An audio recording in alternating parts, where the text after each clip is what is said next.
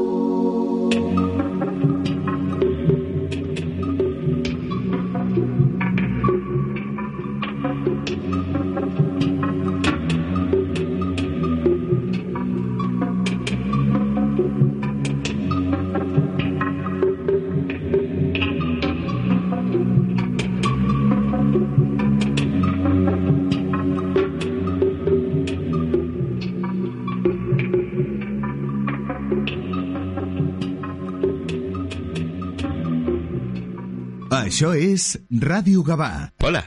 Vida Mejor, tu inmobiliaria en Gabá, tiene un plan sencillo para que vendas tu piso seguro y es que disponemos de más de 2.400 compradores para ti. Además, Vida Mejor pone a tu disposición un magnífico equipo de expertos inmobiliarios y coordinadoras que te acompañarán hasta el mismo día de la notaría. Te esperan en Paseo Maragall número 20. Vida Mejor, la inmobiliaria con suerte en Gabá. Això és Ràdio Gavà.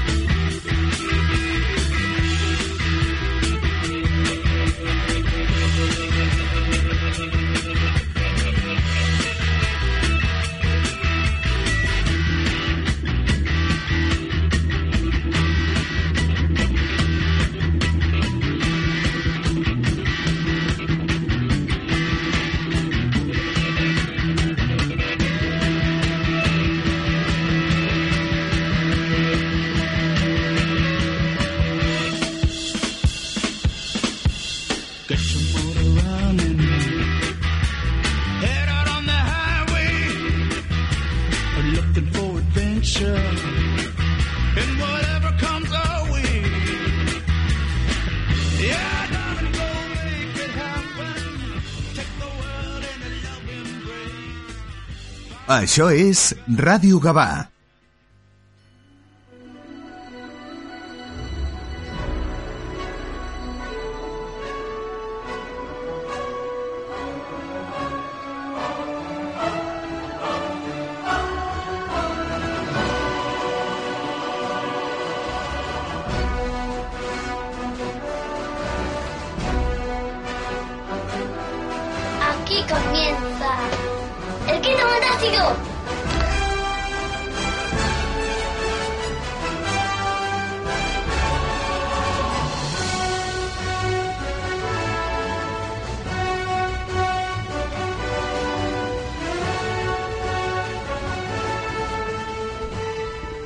Buenos días y bienvenidos a una nueva edición del Quinto Fantástico, episodio 11 de la décima temporada.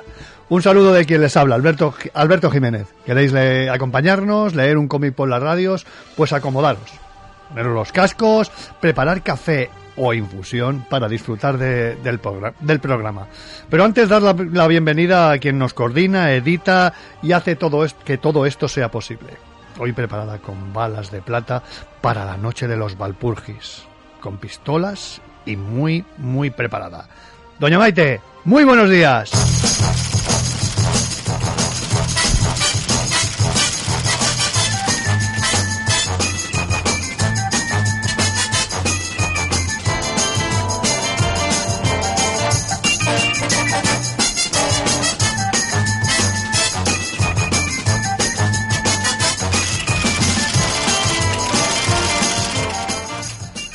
El programa de hoy es de los que de los que te hacen nostalgia y de los que te gusta hacerlos porque es una época que, que hemos vivido prácticamente todos y bueno, los más jóvenes también la han vivido porque han recuperado muchas películas y han visto a este gran actor. Hoy rendimos homenaje a nuestro Low Channing, alguien que nos cautivó de miedo en los 60 y 70, como películas como La herencia de Valdemar, El retorno del hombre lobo, La Inquisición, no es otro que, que Paul Nashi, el alter, el alter ego de Jacinto Molina. Y lo haremos a través de, de una entrevista que, que hemos realizado a David García Sariñena y su libro Paul Nashi Screen Book, Recuerdos de Cine, que es un auténtico lujazo, editado por The Force Book. Es un auténtico lujazo con unas fotografías increíbles y unos recuerdos y bueno, que retratan toda la, la vida de, de Jacinto Molina, Paul Nashi. Eh, hablaremos con él más profundamente. Eh, he querido también, para los que no lo conozcáis por vuestra juventud o lo que sea, eh, rescatar ent- una entrevista, una entrevista, bueno, entrevista coloquio, porque proyectaban allí do- dos películas suyas eh, en el programa Días de Cine. Eh, fijaros que, bueno, la, presentadora Cayetana Guillén Cuervo, pero fijaros el coloquio, el coloquio, perdón. Aparte del propio Terence, ay, perdón, de, de Paul Nashi, ni más ni menos que, que Terence bueno, escritor, Bésame tu cadáver, han matado a una rubia y después, y después otro mm, muy ilus- ilustre, sobre todo de, de la ciencia ficción, ¿no? que trabajó en revistas como Dossier Negro, Star y es ni más ni menos que Luis Vigil García.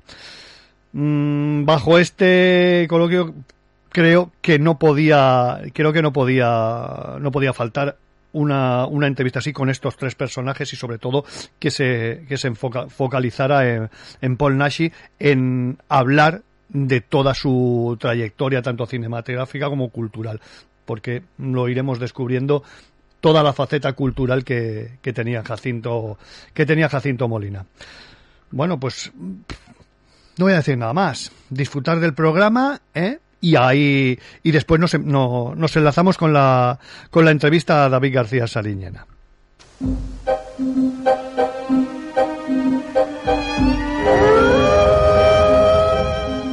Somos miembros de las SS.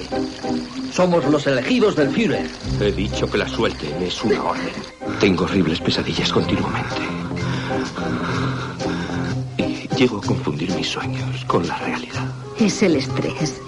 Necesitas un descanso. Nos enfrentamos a un sediento de sangre e inteligente criminal psicópata, a un auténtico monstruo. Tenemos que atraparlo.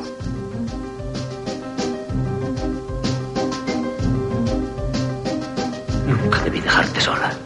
Pero aquí nadie podrá molestarte. ¿Qué pasa? Tenemos por primera vez en la historia la oportunidad de crear vida artificial y usted habla de renunciar.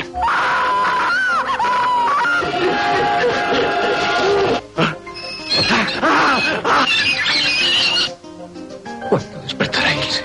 Profesor, pronto, doctor. Muy pronto.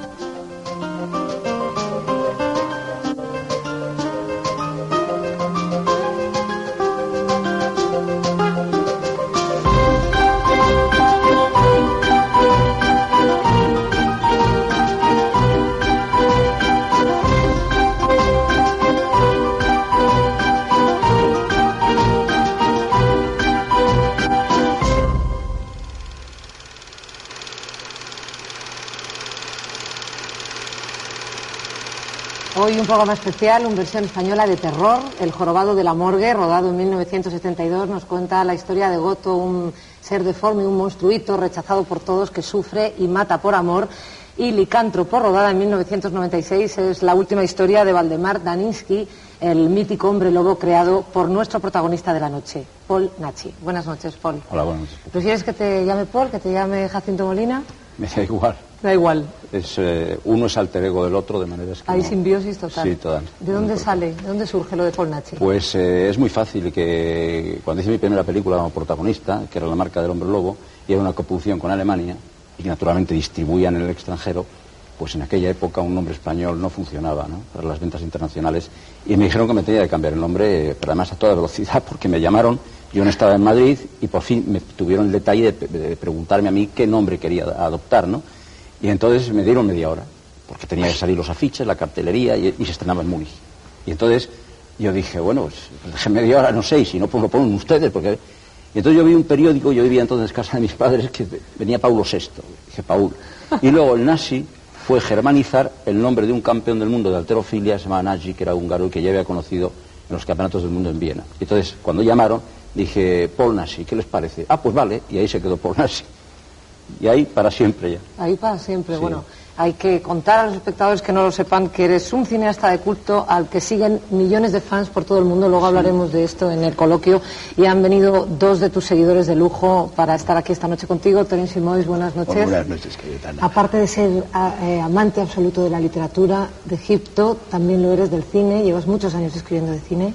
Yo creo que básicamente soy amante del cine. y lo- Básicamente. sí, de- primero yo creo que primero es el cine.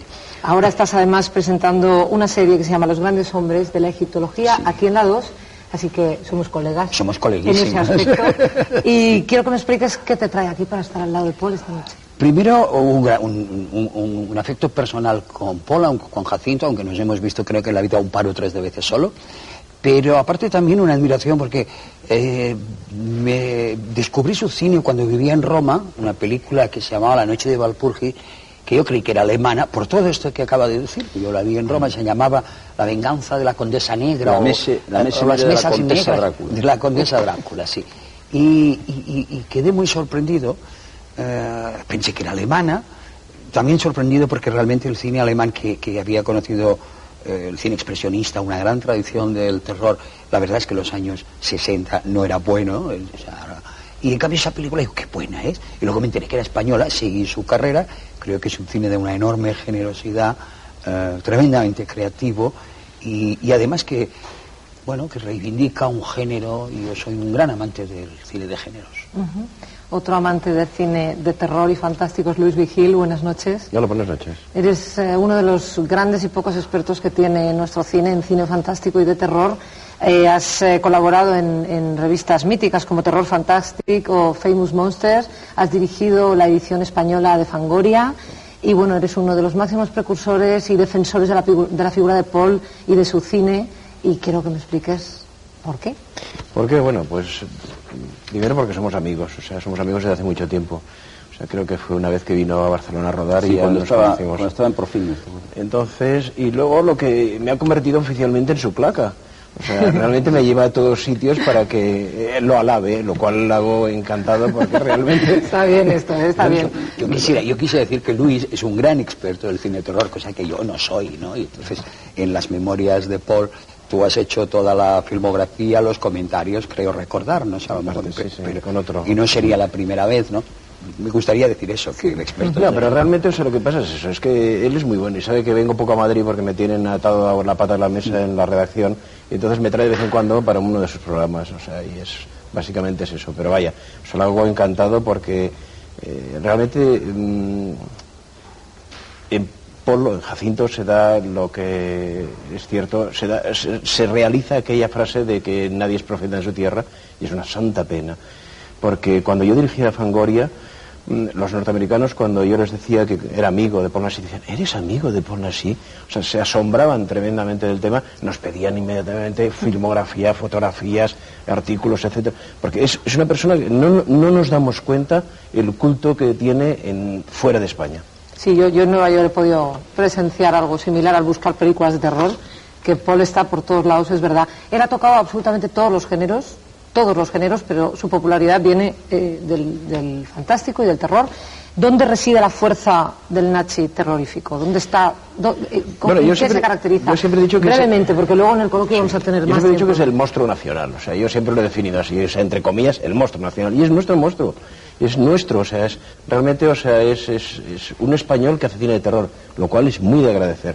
Y la pena es que no se le agradezca más en España, al revés, se le denosta de una forma, o sea, se le ataca, de, de- pero además le atacan siempre los mediocres, los que no valen para nada. Entonces es una pena, pero es así. Él es, es una persona que está tan enamorada de su género eh, que, bueno, que, que, vaya, que hasta ha hecho auténticos bodrios porque tenía que, tenía que estar delante de la cámara. Y, y- y le han traicionado. Yo creo, yo creo que hay, una, hay un elemento en el cine de Paul, te digo, desde esta primera película que vi a las otras, todas no las he visto, alguna me falta, pero siempre lo he seguido con apasionamiento, porque es un poco responder al apasionamiento que ves en las películas.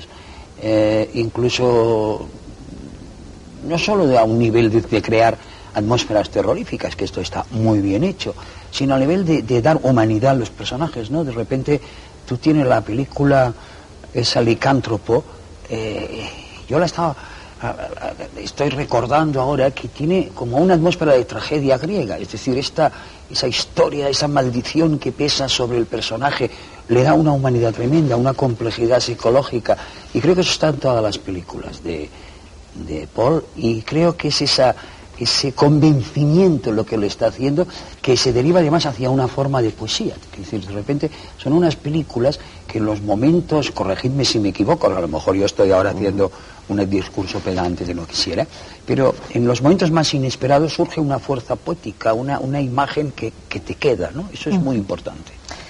Paul Nache o Jacinto Molina, hombre o lobo. Como hombre lobo le recordaréis muchos de vosotros porque es su personaje más querido y más popular. Pero antes de ser hombre lobo fue Jacinto Molina y como Jacinto Molina fue campeón nacional de alterofilia en siete ocasiones. Estudió arquitectura, dibujó cómics e incluso escribió novelas de acción. Cuando creó a Paul Nachi empezaba la carrera de un director, un guionista, un actor de cine que iba a ganar más de 28 premios, que iba a tener club de fans en prácticamente todo el mundo y que iba a estar citado en Internet más de 4 millones de veces. Es un currículum que asusta, ¿o no? Yo cuando he hecho una película, aunque haya sido la película más delirante, he lo- he lo que estaba haciendo. Limitado de medios, todo lo que tú quieras, pero yo he creído en lo que estaba haciendo. Y he luchado a muerte por la película. Yo me he llegado a poner de rodillas delante de un operador que por falta de dinero se quería marchar. Y le he pedido por favor que no se fuera y que hiciera la película. Que se le iba a pagar todo. Cuando yo no era el productor. ¿Y lo conseguiste? Lo conseguí. Los monstruos del terror, una película con Michael Rennie y Karin Dor. Entonces, bueno, yo te, te- te quiero decir que quizás los fans, que ahora yo me sorprendo después de tanto tiempo cuando ha pasado, que tenga esos fans tan, tan absolutamente fieles, es porque quizás han captado algo que yo que a lo mejor ni me daba cuenta, pero me di cuenta ahora, la sinceridad que había en todo aquello. Con peor o mejor suerte, con más suerte o menos suerte, pero que desde luego yo aquello me lo creía, te lo puedo asegurar. Bueno, pues eh, como se nos ha ido el tiempo del coloquio y vamos a ver la segunda película, os pido a los tres, cada uno desde vuestro punto de vista, que digáis a los espectadores lo que van a ver. Hace falta capacidad de seducción, porque es muy tarde. Capacidad de seducción. Pues yo creo, que van a ver, yo creo que van a ver lo que se puede definir como la ternura del monstruo, ¿no? Yo creo que este personaje, Es para yo lo recuerdo como muy tierno. Hombre, Es llevárselo a casa no, porque ya, ya ves, ya ves la que te monta. No, porque te Pero cuida, bueno. te cuida. Sí, Si te quiere, te cuida. Si te quiere, te cuida. Y que hay, hay- hay- es, es maravilloso la idea de ponerla al lado de Rosana Yani, que era una mujer, me acuerdo, majestuosa, altísima y tal, y ves a ese pobrecito. Es, una película, yo creo que es una película tierna. Sí, sí. ¿Y estira la chepa. Es una película muy tierna. Todos los monstruos tienen una ternura. O sea, o casi todos los monstruos tienen una Drácula, ternura. no, Eh, Pero Frankenstein sí. Freddy Krueger no, No, bueno, sé yo tampoco si incluso Freddy King Krueger. Ah, Freddy Krueger muy- King Kong. No, hay un momento sí, en que- King Kong, que King tiene- Kong es adorable también, hombre. ¿Sabes que yo tengo un problema? Que es que a mí King Kong es una película que me da mucho asco. La idea de que es que, que ha gustado tanto, y Román Gobert tiene un libro precioso sobre King Kong, el hombre y la bella. El mito de la, de la bella y la bestia a mí me da un asco enorme. Oye, pobre Goto. No, He pero- pedido que introduzcáis bueno, a Goto. bueno, Como es chiquitito. Pero yo ya lo, he chicudo. introdu- ya lo he introducido, es, una- es- Venga, es pues. el monstruo que usted se No, llevaría bueno, a casa. A casa, exactamente, la película, Tierra, la película es, eh, como yo la concebí y escribí el argumento, es, es una idea en la que yo quería homenajear un poco a James Whale, a Lovecraft, en fin, había una serie de cosas que yo quería dar en la película, creo que se ha dado. Mm, reproducir el mundo de Lovecraft cinematográficamente es casi imposible, pero bueno, salimos adelante con bastante, con bastante suerte y yo creo que la película merece la pena verse. Tiene seis premios internacionales, todo se ha dicho de paso, de guion, de interpretación, y fue una película en su momento tuvo una, una gran aceptación. Y quiero decir una última cosa. Como yo sé que mis fans me están viendo y ten- tendrán muchas ganas de verme en otra Eso película. Esto suena Folclore. no, les voy a decir que voy a hacer una película que se con Juan Pinzas que se titula. Extraños Conocidos y donde hago un comisario muy peculiar. En el reparto que yo sepa van a estar Francisco Raval, Asunción Balaguer, eh, Beatriz Rico, eh, Manuel Banderas, creo. En fin, el reparto va a ser bastante importante y de verdad me divierte porque es un personaje como muy atípico y un comisario muy especial. Muy bien, Paul. Pues con Si el jorobado... permite- Si me permites una cosa, A ver. yo sugeriría No un, manera, nuevo, ¿eh? para hacer vosotros. un nuevo programa por Nashi con la noche de Valpurgis y la venganza de la mona. Ya, queda... Y me harás, y me harás muy feliz. Yo Queda, creo que a queda mucha dicho, gente. queda dicho para los altos cargos. a ver si nos hacen caso y Ojalá, volvemos a ojalá. otro programa, pero ahora volvemos después de la película, ¿eh? Ah, volvemos. Volvemos, volvemos. Ah. Vamos a verla. Yo comprendo que os queréis ir ya a dormir, pero No, no. yo no, particularmente. Volvemos otros cinco minutitos para despediros Con- y despedir con a, mucho a los Casi todos los monstruos son octámbulos. o Con sea, el jorobado de la morgue, Paul Nachi, como estaba él apuntando, ganó en 1973 el premio de interpretación Georges Méliès en el Festival de Cine Fantástico de París y ganó en 1976 el, el premio al mejor guion en el Festival de Amberes. Nada, yo deciros pues que es una película de terror gótico eh, con algo de gore que yo creo que va a ser Sí, las delicias de todos vosotros, sobre todo si sois los, fan- los fans de Paul de los que estábamos hablando. Nos vemos después de la película y mirad debajo de la cama esto como consejo personal.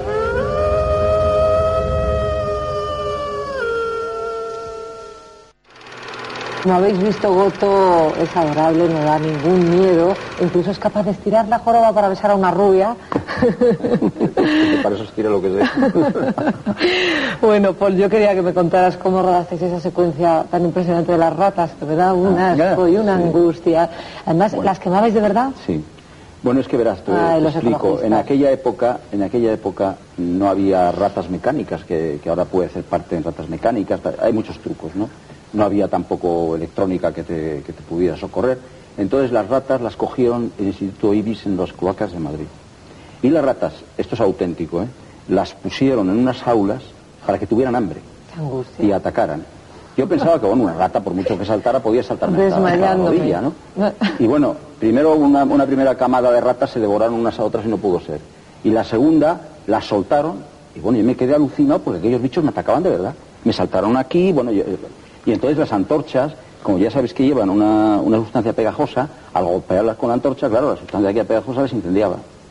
O sea que se hizo realmente, pues como se monta a caballo, a Pero pelo. además muchas tomas. Sí, claro, se hicieron tomas. Ya, ya no me acuerdo muy bien, pero... Miles de ratas muertas. Sí, Yo me olvidar, hecho ¿no? temblar más esto que has contado que la película. Qué horror. Yo precisamente, una de las cosas, a mí me gusta mucho Indiana Jones, para que te voy a engañar, eh, las tres películas. Y una de las cosas que no puedo soportar es la obsesión de, de Spielberg por sacar bichos. Sí, sí, sí, es una cosa Bueno, que... insectos y ratas. serpientes, y serpientes. Sí, Ay, por favor, lo que has ido a nombrar. Bueno, hombre, era River cuando nombre, los- más o menos. Ay, bueno, el trozo aquel de la... Yo tengo una verdadera obsesión con las serpientes cobra y, y- y el trozo que cae... Y... Queda muy mala El otro día se me Hablemos de las películas. de- El otro día se me rompió un espejo.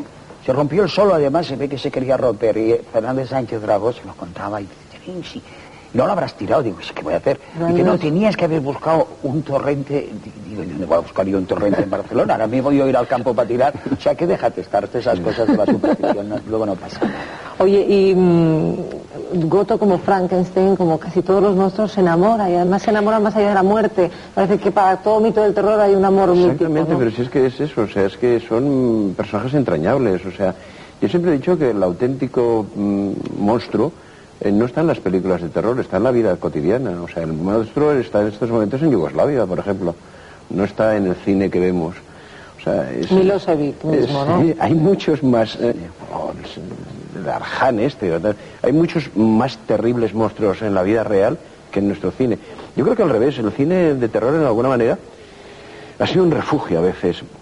Hay grandes épocas del cine de terror en el cual son en momentos muy tenebrosos de la sociedad. El, el expresionismo italiano surge cuando está surgiendo el nazismo, que se está exorcizando de, de- El, el impresionismo alemán surge en la época de la depresión, o sea, es eh, de, de alguna manera como si te refugiaras en el horror ese mítico que lo puedes controlar, de alguna manera, para huir del horror, del horror del día a día. Pues ahora mismo los protagonistas de las películas de terror son jóvenes universitarios muy puestos en cine de terror a los cuales les pasa exactamente lo mismo que están viendo en las películas. ¿Cuál crees que va a ser la próxima vuelta de tuerca? Que no sea que se debe ese Me nuevo encantaría héroe. que fuera de nuevo volver a los monstruos de... o sea, hu- hubo un intento, o sea, se, se hizo el Drácula, ha habido los hombres lobos y demás de eso, pero parece que no, que de momento estamos aún quizá influidos demasiado por la televisión. Ojo, también es que eh, hemos metido el terror en nuestra casa en la pequeña pantalla. O sea, insisto, da mucho más miedo ver el telediario que no en las películas de... O sea, es que eh, entonces lo que ocurre es eso, es de que hay... eh, el terror este nos parece entrañable, o sea, es, realmente es un... No, incluso yo pienso que el cine de terror tiene una función liberadora, es decir, eh, tú te pasas dos horas eh, a lo mejor angu- a lo mejor angustiado, no tienes por qué ter- ter- ser terror exactamente, pero angustiado, intrigado, etcétera, y, y tienes la ventaja de que cuando sales, pues, pues aquello te queda como una cosa que sabes que no es real, ¿no?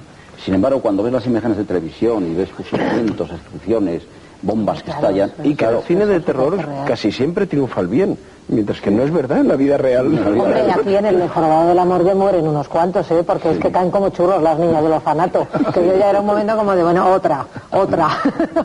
el orfanato absolutamente vacío y él cargando. es que había que alimentar a la criatura. Por Dios. bueno, Paul, eh, creo que te hacen un homenaje en San Sebastián, en otoño, en septiembre, en el Festival de Cine sí, Fantástico. Y tengo, me dan otro en, en un festival eh, que efectos, especiales y han elegido dos figuras, una de dos personajes y uno de ellos soy yo. Y también hay otro en perspectiva del que mejor no hablar de momento, pero bueno, puede ser bastante... Puede ser bonito. Puede ser importante. Bueno, nos lo contarás No para aquí, que lo no en contemos. España, nos lo contarás para que sí, lo contemos aunque no estés aquí. Y, y bueno, y además mm, creo que, que Tarantino Sí, bueno, sí. te ha tirado los tejos, Sí, sí. por llamarlo de alguna manera, y creo que estás entre los posibles para la Galería de la Fama también en Sí, Hollywood. sí. Yo lo digo porque como esto es un programa para reivindicar a Paul Nachi aquí en España, lo dejamos todo claro ya. No va a servir de gran cosa, pero bueno. Ya que sí sirve, ya. No, seguirán dándole palo. No hay, no hay problema. Está No, acostumbrado. no, bueno, Le ya- faltaría. Si no se metieran con él los críticos, yo creo no, que... pero ya sinceramente debo de reconocer, y además sería injusto si no lo dijera, que muchas cosas están cambiando y yo lo estoy notando. Es decir, yo, por ejemplo, eh, llevo una época que no paro de homenajes. Zaragoza, Barcelona, Bilbao, San Sebastián ya por dos veces. En fin, eh, Madrid. O sea, es decir, que estoy teniendo, mm, salvo Sitges, donde me trataron muy mal, todo hay que decirlo. El ¿Por qué? resto ¿Por de... qué? ¿Por qué? Ah, no lo sé, todavía no lo explico. Me dan un homenaje y me atizan palos hasta en el carnet de identidad, pero es que eso no lo sé. Entonces, bueno, no hablar de... Que yo fui un poco el creador de Sitges. Bueno, un poco no. Sitges nace gracias a mí cuando yo, en este mismo sitio, que es la Escuela de Cine Oficial Sí, de Cine, sí, sí. yo estaba de profesor y se me ocurrió con Antonio Cervera la idea de hacer un festival de cine fantástico. Le llamaron de Sitges una gente que tenía casa de fotografía para hacer un festival de comedia y le dije, oye, propone un festival de cine de terror. Y cine fantástico. Y así surgió. Bueno, pero en fin, eh, yo no quiero pensar en las cosas negativas y voy a pensar en las cosas positivas. Y sí es cierto que tengo que reconocer que en España, de unos dos o tres años para acá, las cosas eh, están cambiando muchísimo. Pero yo creo, yo creo eh, por supuesto, es- está, está, está muy bien que te quejes. No, no me de- quejo, de, no. De, de- de- de- de las cosas que te han hecho, está muy bien. Pero es que yo creo que estás exagerando, porque yo creo que películas tuyas, eh, eh, para el cinéfilo, han, han sido siempre películas de culto. Por ejemplo, La Noche de Valpurgis, sin ir más lejos, es una película Sí, es cierto, que siempre sí. ha estado muy bien considerada. Sí, no es cierto, Y no, y- diría como tres o cuatro más, ¿no? Sí, sí. Claro, a lo mejor lo que pasa es que tú eh, a, a- a más otras que, bueno, pues pero eso creo que nos pasa a todos, ¿no? Pero yo creo que, bueno... No, sí, quizás exagere un poco. No, pero No, es, no. es lo que decíamos antes. Le quiere el público, le quieren sus fans, pero no le quieren los que le gustaría a él que le quisiesen, que son los que escriben los papeles. Ese es el problema. Estamos También ha cambiado, de nuevo. muchos están cambiando. Tampoco me quiere a mí Kevin Costner y me toca aguantar, ¿no? No, no, Sí, pero- ¿Qué le vamos a hacer? No, yo no. No, no, no, como, como, me, como me quieren los que escriben los papeles extranjeros, pues mira, es una manera de Pero sí, eso, eso es lo que puede doler, la paradoja de ser absolutamente reconocido fuera y que aquí no te miren a los ojos, que eso realmente pues te puede hacer. Bueno, excepto yo, que siempre he escrito bien de Pero mí. creo que Sí, los, sí, los sí, españoles, uy. los españoles somos tan, tan masocas que pensamos que lo malo solo nos ocurre aquí, a nosotros. Acuérdate todo lo que le dijeron a Pasolini en Italia al pobre hombre, que yo lo había visto llorar por una cosa que había salido en la hoja parroquial de Vilarecho. Imagínate quién. Y, y- y es que le decían de todo. es decir, que en todas Yo partes- creo, Paul, que dedicarse a esto es en parte eso. Sí, decía No la- hay más remedio. Decía la No que- hay poner más una- remedio. o poner Lo una- hablábamos o poner una antes. mercería. Exacto. Lo hablábamos antes de iniciar el programa, ¿verdad? Te sí, y bueno, pues decía duele mucho, no, pero decía no, hay, que, no hay más camino. que escribir en España es llorar. Pues hacer cine también es llorar un poco. Sí, sin eso, duda, eso, sí. eso, eso, por supuesto. ¿Y qué os voy a decir? Esto por supuesto. Bueno, pues eh, gracias a los tres por estar aquí gracias. eh, y gracias a vosotros por acompañarnos en esta noche de terror. Cálmate. Cálmate, espíritu. Todos somos adeptos. Olvidad todo. Pensad solo en ella.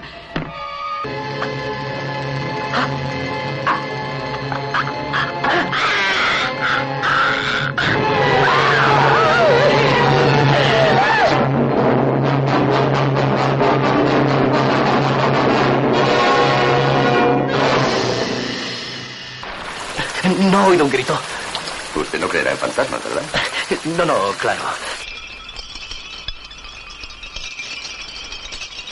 Mire, señor, aquí pasan cosas muy raras después del anochecer.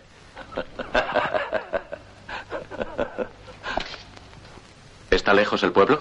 Siguiendo ese camino a un kilómetro todo derecho, no tiene pérdida. Pero le aconsejo que haga noche aquí. Debe pasar por delante del cementerio y yo... Los muertos no me dan miedo.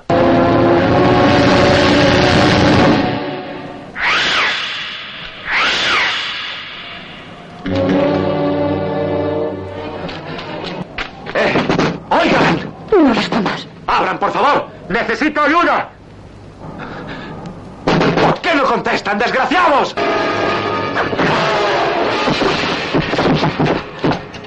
He encontrado a una mujer muerta junto al cementerio. Vaya al ayuntamiento y habrá un guardia. Es que no sé dónde está. ¿Por qué no me acompaña Busque usted? en otro lado. ¿Pero qué le pasa? ¿Se ha vuelto loco?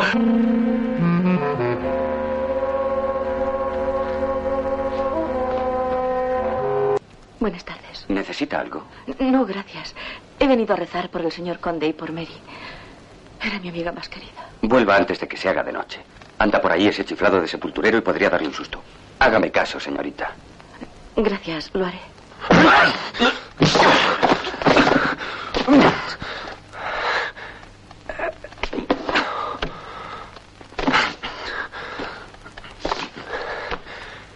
Es usted un imbécil, señor Jacob. Algún día se enterará. Si no le asesinan antes, matarán a todos. Te lo digo yo. Son ellos. Los muertos. ¿Por qué no se lo cuenta la policía? No. Policía no. Hombres malos. Solo quieren Igor a la cárcel.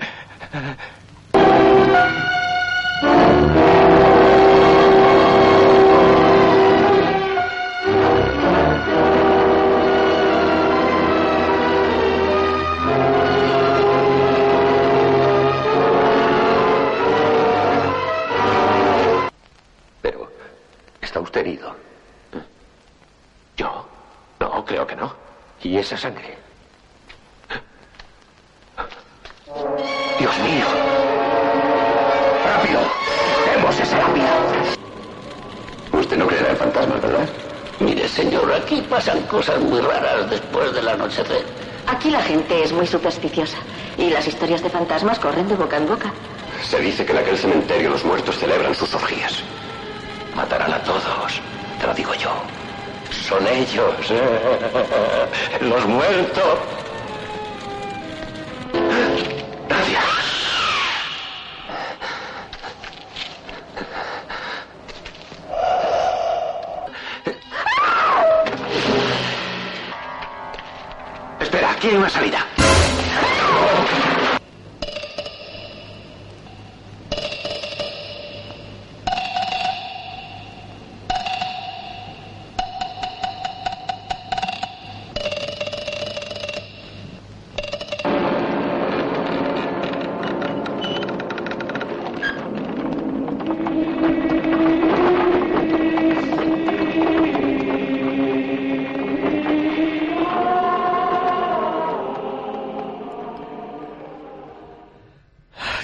Que era imprescindible poner eh, poner este pequeño coloquio de días de cine para para, para engrandecer la, la figura de Paul Nashi, contarnos cómo vino su nombre, contarnos un poquito con cómo se rodaban est- estas películas eh, y con estos dos invitados ¿no? que, tenía al lado, ni más ni menos que Tere Simón, Teres, perdón, Tere Simós y Luis Vigil mm, muy muy metidos en sobre todo Luis Vigil muy metidos en el, en el tema del terror y la ciencia ficción por el tema por haber trabajado en, en revistas tan emblemáticas como, como antes he comentado Star, Crep y tal Eh, bueno pues nos vamos nos vamos con nuestra con la entrevista. Me lo pasé pipa. Disculparme si mi si a veces mi exceso mi exceso de, de fan se sobrepasa pero hablar con David García Sariñena fue en todo un lujo. Fijaros que viene de hacer aparte de este libro, que yo creo que habrá un segundo y puede que hasta un tercero, eh, viene a hacer un documental maravilloso en, eh, sobre San Julián, la figura de San Julián, nuestro fraceta. Para mí es, bueno, es algo increíble sus dibujos. Bueno, y viene a hacer un documental que está en DVD, lo podéis adquirir eh, en la calle Tallers, en el 79, todavía hay ejemplares lo podéis adquirir lo, lo podéis adquirir allí. Y hay alguna plataforma que creo que lo está dando. Tiro de memoria. No sé si es filming ahora ahora mismo no me acuerdo.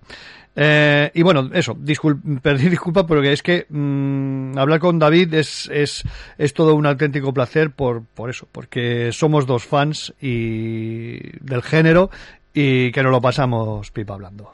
Maite vamos a ello. Nuestro invitado de hoy se ha criado entre cómics, películas de terror, pasión por San Julián, devoción por Paul Nashi y seguro que se colaría en los cines, en los cines cuando el cartel de para mayores de 18 años estaba en todas las taquillas de ellos. Don David García Sariñena, muy buenos días y bienvenidos a una nueva edición del Quinto Fantástico. Qué bueno, qué bueno, qué placer, qué, qué gustazo. Muchísimas gracias por, por la invitación. Es de verdad que estoy lleno de, de orgullo. Bueno, nosotros estamos con una hemorragia de satisfacción tremenda porque te seguimos ahí un poquito todos, su- todos tus trabajos, intentamos... Bueno. Wow, tengo- ¿Sabes qué tengo en mente? Eh, el, en- el- cuando hicisteis el documental de San Julián, Sí. eh, plena pandemia, se quedó muchísima gente fuera, allí yo estaba uno de, los- de entre ellos, pero bueno. ¿Te quedaste fuera? Sí, me quedé fuera. Bueno, eh, a ver, eh, era, era una cosa lógica, bueno, lóg- lógica entre comillas. La decepción por mi parte fue tremenda, pero bueno, tuvimos que, que esperar. Es que el sitio, la Brigadún es lo que es, es chiquitito. Sí, es muy pequeño y encima con restricciones. Y San Julián, aparte de las restricciones, lógicamente, y que San Julián, pues eso, que, que- que mueve muchísima gente.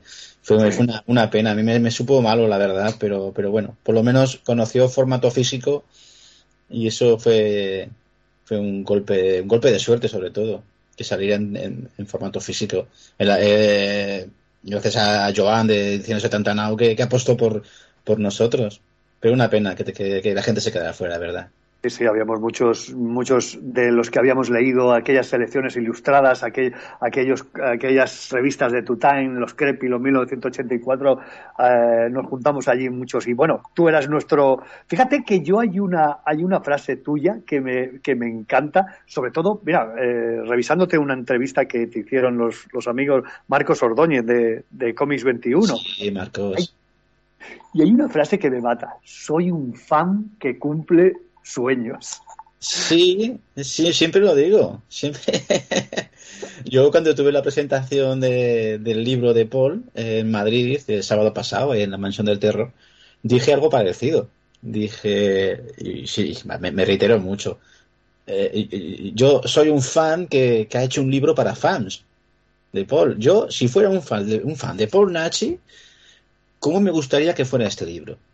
Y es justamente, pues, pues así, como, como lo he, como lo he redactado, pasa claro, el, el trabajo de maquetación de José Gracia ha sido brutal. O sea, el aspecto exterior del libro, dijéramos, ¿no? No en sí lo que es el libro, es muy, muy, muy, muy atractivo. Han tirado la casa por la ventana, la verdad. Yo dije, quiero el libro, así la selección de fotográfica ha sido mía, ¿de acuerdo? Eh, insistí mucho en algún material y sí que es cierto que es el libro, como yo, como fan, me gustaría ver en, un- en una estantería para comprarlo. Sí, luego es que es, es un auténtico lujazo eh, para todo fan y para todos los que para todos los que hemos sido de Jacinto Molina, de Paul Nashi, de que hemos sido fanáticos, de que nos criamos prácticamente pues viendo- viendo sus películas, ¿no? De, de- de- de nuestro nuestro Low Channing español. ¿no? Total, total, total. Oye, ¿cómo sale, cómo sale este proyecto? ¿Cómo, cómo se te gira la? Después de haber hecho, después te preguntar un poquito por, por el tema de San Julián y tal, pero esto que, que está que recién hecho, recién calentito, recién salido del horno. ¿Cómo Recién salido. Esto surge, a ver, eh, yo edito un fanzine llamado Monster World desde agosto del año 98. Este año por fin va a salir el número 15. Luego te adelanto un poquito si quieres. Y ya desde el número 2, desde enero del 99, ya dediqué eh, un número, el número 2 a, a Ponashi. Ya se lo dediqué. Y luego el número 12 también fue un especial Paul, pelis nunca, nunca rodadas, proyectos perdidos y tal. Y ya me dije, ¿y, y, y por qué no, por qué no hacemos un libro de Paul? Porque eh, eh, Torsten Benzel sacó el libro este de Muchas gracias, señor Lobo.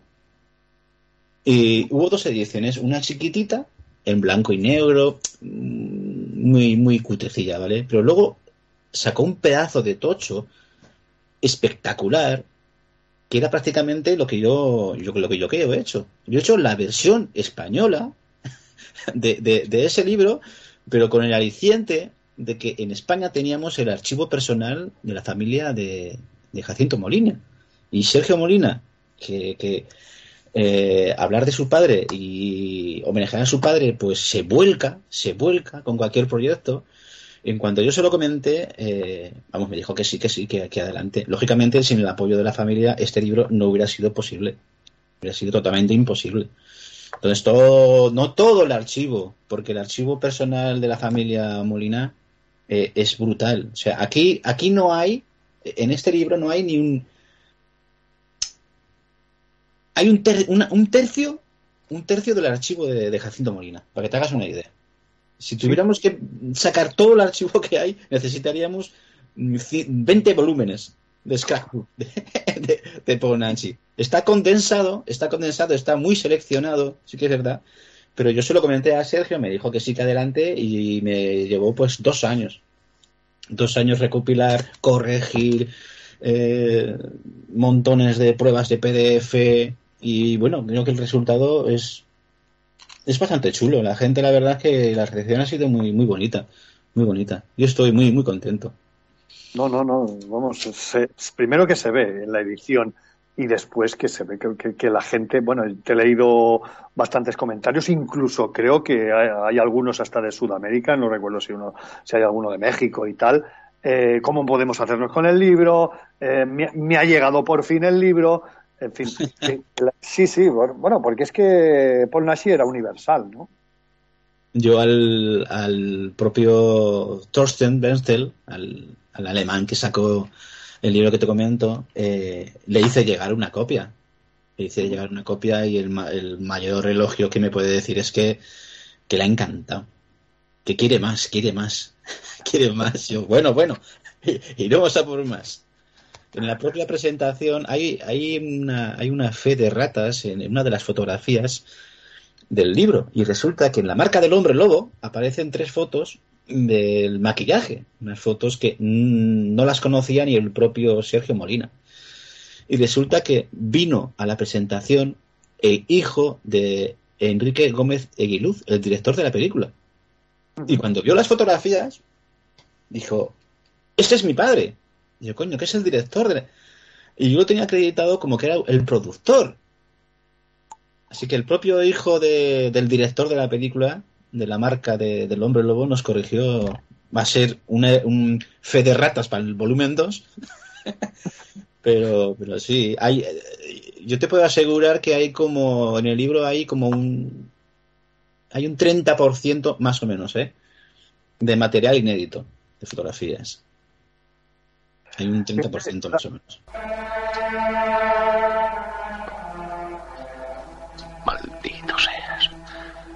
Maldito seas, espíritu infernal. Me has vencido. Has enviado a esa mujer para que sea mi perdición y ya no tenga fuerzas para combatirte.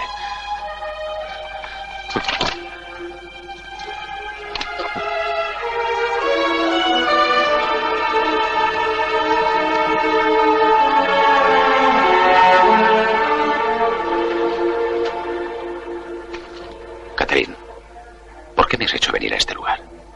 Aquí estuve con Jan el último día.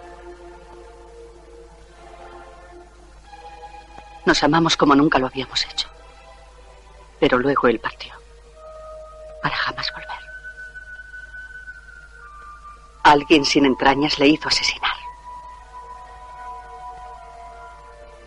Pero ese villano ya está sentenciado. Y dentro de poco pagará su crimen.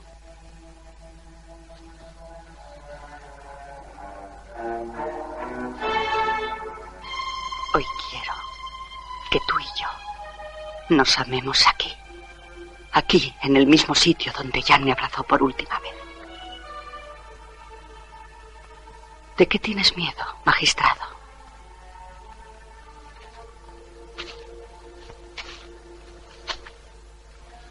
No te temo, Catherine. He enviado a la hoguera cientos de brujas y herejes. Ninguno de ellos pudo hacerme ningún mal. Os he visto a ti y a Madeleine regresar de madrugada. Y sé de dónde veníais. ¿Por qué no me has hecho prender? Porque te quiero, Catherine.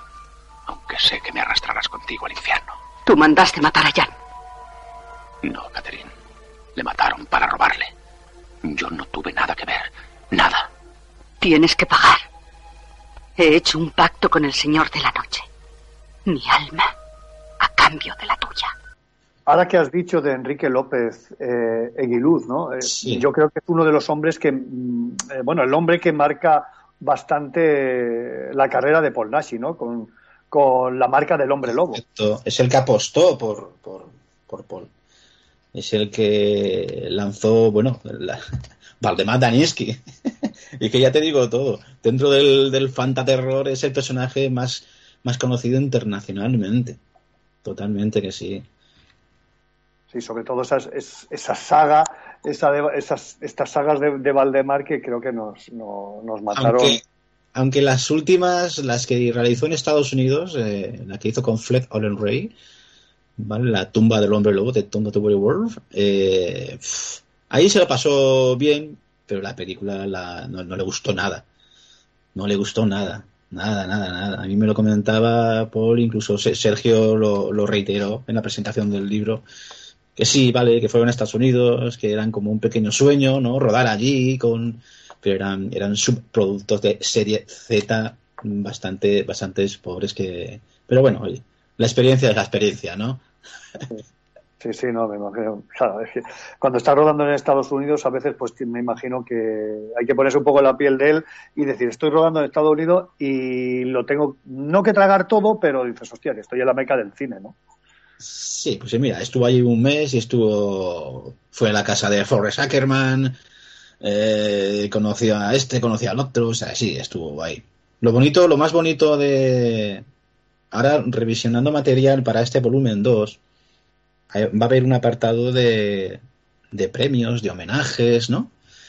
Y hay, hay fotos que son muy, muy, muy emotivas. Hay fotos que son chulísimas. Fotos con Roger Corman, con, con Ray Harryhausen, con Vivian Leitch, con, con Forrest Ackerman. Y ese material, digo, este hombre, que, que- qué bonito, ¿no? Que, que los últimos años de su vida, pues hubiera vivido todo ese, ese, ese reconocimiento por parte del, del fan, en realidad. Sobre todo los, los últimos años en, en, en. Yo me acuerdo la presentación del libro que editó Sci-Fi World de Pablo Nashi, eh, que estaba con Ángel Gómez Rivero y con, eh, y con Trujillo, con el dibujante del cómic del Retorno Hombre Lobo, pues eh, el hombre estaba emocionadísimo de ver tanto, tanto, tanto fan ahí, pidiéndole fotos, eh, eh, autógrafos, y, y justamente poco después, pues, pues tristemente nos, nos dejó. Pero mira, el, el legado de Paul es, es inmortal, es inmortal. Aquí queda reflejado en, en- en el primer volumen y con un poquito de suerte esperemos que no se retrase mucho, pero para finales de año, posiblemente en octubre tengamos ya el segundo. De este mismo año. Sí, sí, sí, sí, sí, sí. Yo he insistido mucho en que sea en octubre por tema de Sitges y tal, y yo creo que lo, que lo vamos a conseguir, creo que sí. Mira, ahora que has dicho, ahora precisamente has comentado eh, el dibujante de, de Javier Trujillo, este cómic sí. lo tengo delante de mí porque fue algo, es la única vez que he podido hablar con Paul Nashi, ¿no? Que fue en el Salón del Cómic del En el 2000, salón del cómic, correcto, sí. el Salón del Cómic del 2007 y lo tengo dedicado a mis hijos. Claro, mis hijos eran unos uno renacuajos. ¿no? Estás aquí ante este señor, llévame a, a- con Son Goku. y eh, tengo, lo tengo aquí y ya te- después a, a ver si lo puedo poner en Facebook porque lo tengo con un recuerdo de haber pasado, mm, ya te digo, estuvimos charlando igual 5 o 10 minutitos, que tampoco fue mucho más, y con Javier Trujillo, y, y fue inmenso, y estábamos prácticamente nosotros solos, y digo, digo, pero ¿cómo puede ser que, que estemos allí nosotros solos, de- estamos aquí delante con Paul Nashi, ¿no? Pero eso, eso, eso ha pasado muchísimo, ¿eh? Pero muchísimo. Yo creo que hasta que que no llegó Sitges, dijéramos, y ya lo empezó a reconocer mucho más, ¿no? Los pequeños festivales como Estepona, a lo mejor, o no sé, estos encuentros como Salón del Cómic y tal, lo que tú dices, te lo encontrabas por allí. Y vamos, que, es, que este hombre es una, una leyenda, por favor. Este hombre es una leyenda, qué suerte tengo. Sí, sí, sí. Aquí Oye, la ¿cómo cosa. es el- Ay, perdón. En el, en el año 96 presentó eh, su autobiografía, ¿vale? En el año 97. Y es lo mismo, o sea, estábamos en la sala, 15 de Zaragoza, estábamos 10, 12 personas. Digo, madre mía. Eh, fue, fue, fue increíble, digo, qué, qué- qué poca gente, de verdad. Sin embargo, para la presentación de este otro, ¿vale? La máscara de Jacinto Molina, editado por Civil War, estaba el auditorio petado. Del Media estaba petado de gente, la salita que hay ahí, enorme. Digo, madre mía, qué, cosa más bonita. Pero bueno, es algo que, que mola mucho, que se reconozca esto, aunque luego, aunque pase el tiempo luego, ¿no? Y, fans como nosotros saquemos libros todavía y se siga conociendo y haga exposiciones, como la que hubo en San Sebastián, en Donosti, creo que fue hace tres años, ¿no? No recuerdo muy bien, que era muy, muy, muy bonita también, muy chula. También recoges un bastante en este primer, en este primer volumen, eh, sobre todo el Jacinto Molina, el Paul Nashi, el Paul Nashi deportista, el eh, practicó alterofilia. Eh, Bueno, eh, me he quedado, me he quedado alucinado. Yo no, bueno, sabía que había practicado alterofilia, pero no sabía que había estado en el equipo del Real Madrid, alterofilia. Sí, sí, y él, y él era del Atlético de Madrid. Qué bueno. Es cojonudo.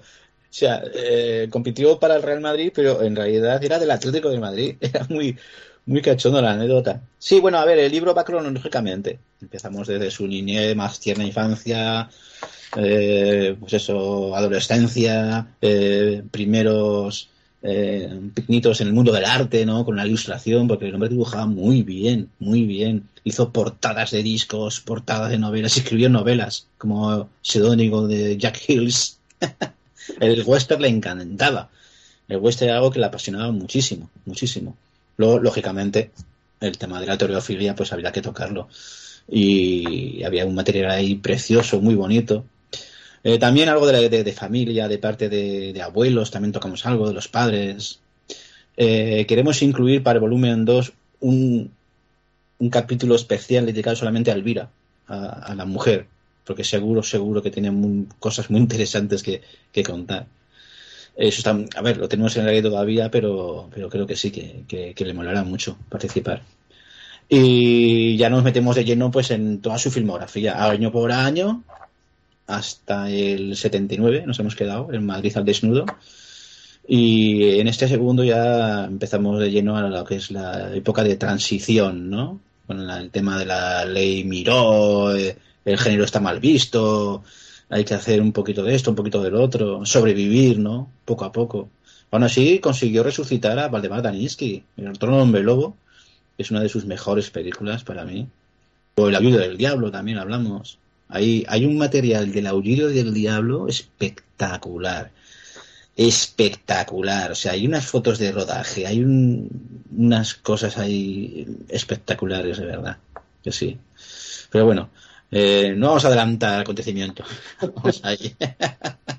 Nos estás poniendo, de- todavía no, no hemos terminado de digerir el primer volumen y nos estás poniendo ya los dientes largos para, para el segundo y encima, fíjate, el marco que nos estás dando, el marco que, que si todo va bien y todo eh, va acorde, vamos, como sea. Eh, a mí me gusta, yo, yo es mi sueño poder presentar ahí en, en Sitges un, el libro de Paul. Ojalá, pero es que no depende de mí, la verdad. Depende del editor, del maquetador, del trabajo que tenga, eh, porque es claro, no solamente está haciendo el libro de Paul.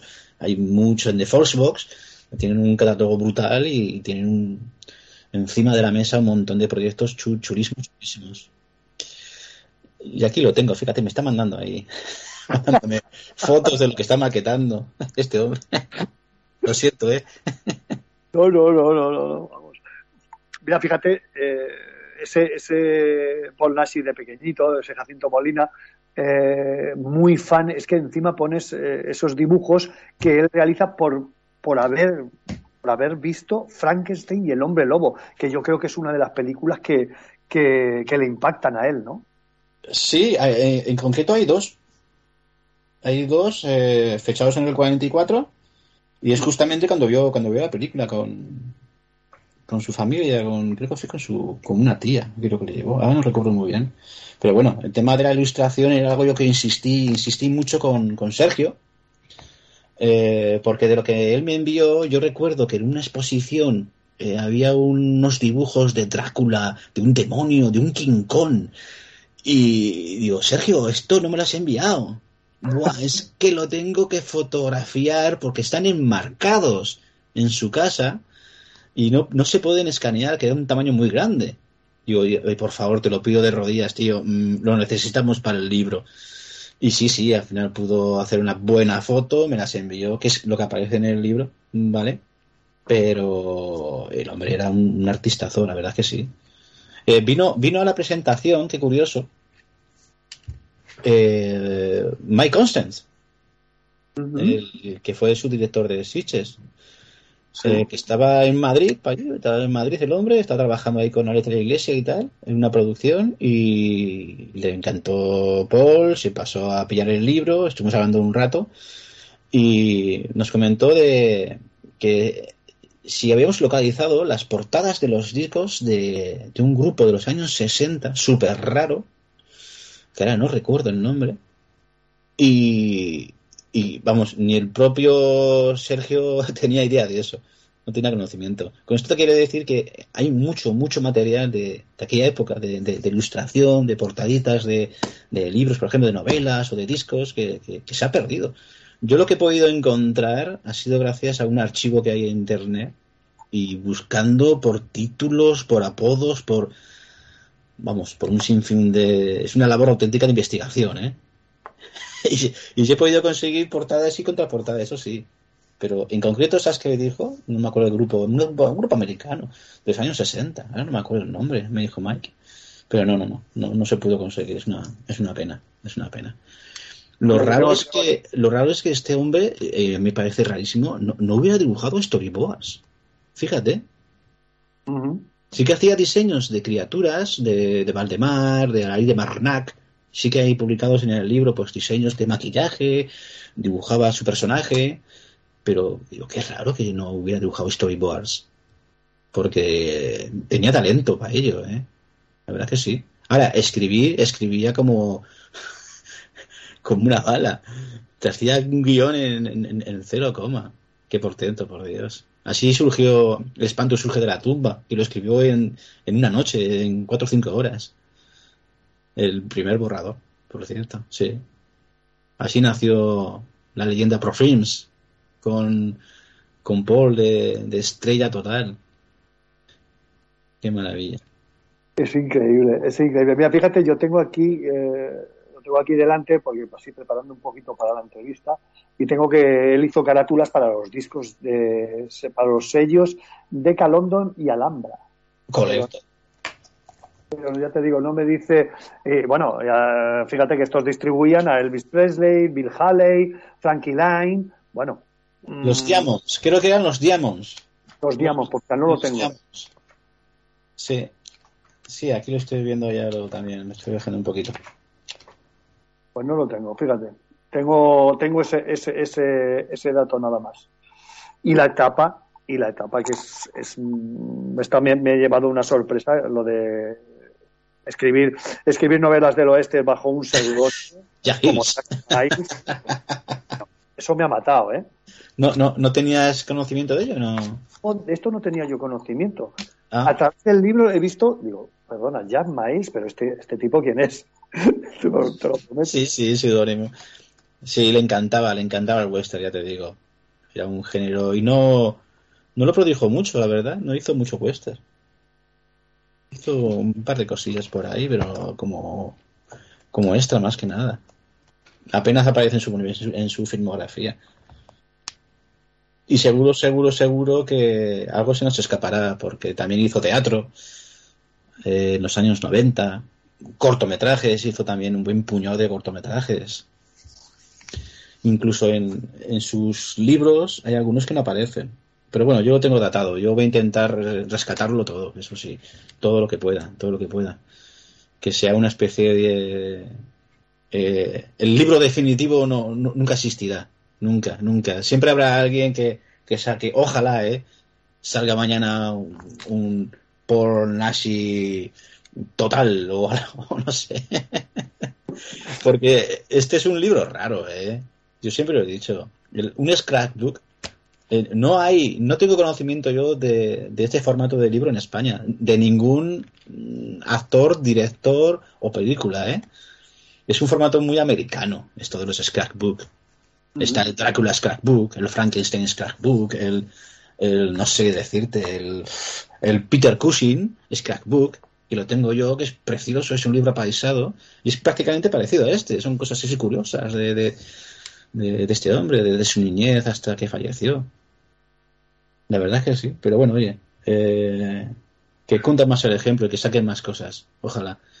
Sí, bueno, a ver, ter- eh, comparándolo un poco con el mundo del cómic, parece los Art Edition, ¿no? Aquellos Sí, que, que salen de, de, cual- de- de muchos, de Frank Miller, de John Byrne, en fin, me, me lo he visto así, porque yo sí te soy sincero, cuando, cuando eh, estabas, pan, oye, venga, esto va a empezar, yo esperaba que fuera algo más eh, eh, algo más narrado, no con tanta, lo que pasa es que el impacto visual es muy bueno. Es que justamente es eso, o sea, un scrapbook es eso, justamente, es un álbum de fotos. Eh, tiene poquísimo texto. Ahí, a ver, el pie de foto, no en todo, lógicamente, porque hay fotos que sobra la explicación. Una introducción al capítulo, una introducción al libro, otra introducción de- del autor y un epílogo. En este caso, el artículo más extenso es el de Ángel Gómez Rivero, que es un super, super es que sí que es un super fan de Paul, aparte de ser amigo íntimo, eh, es, yo, yo, yo lo califico como el, el Forrest Ackerman español, porque es que este hombre es la, el S, o sea, lo que tiene este hombre de, de Paul, eh, bueno, si ves el libro, pues el medallón del conde Drácula, el anillo de la bestia de la espada mágica, o sea, cosas de, de sus películas. ¿Quién guarda eso? Poquísima gente. Poquísima gente. Aparte de eso, que tiene en Villa Diodati, donde vive, tiene ahí pues un- una colección de, de libros y de, todo, madre mía, que, que, que, bueno, ya son muchos años también, ¿eh? Coleccionando. El hombre ya está jubilado, ya te digo todo. tiene muchos años, muchos años. Pero bueno, el formato es eso. Además, yo eh, también lo digo muchas veces. Yo, a mí no me gusta escribir.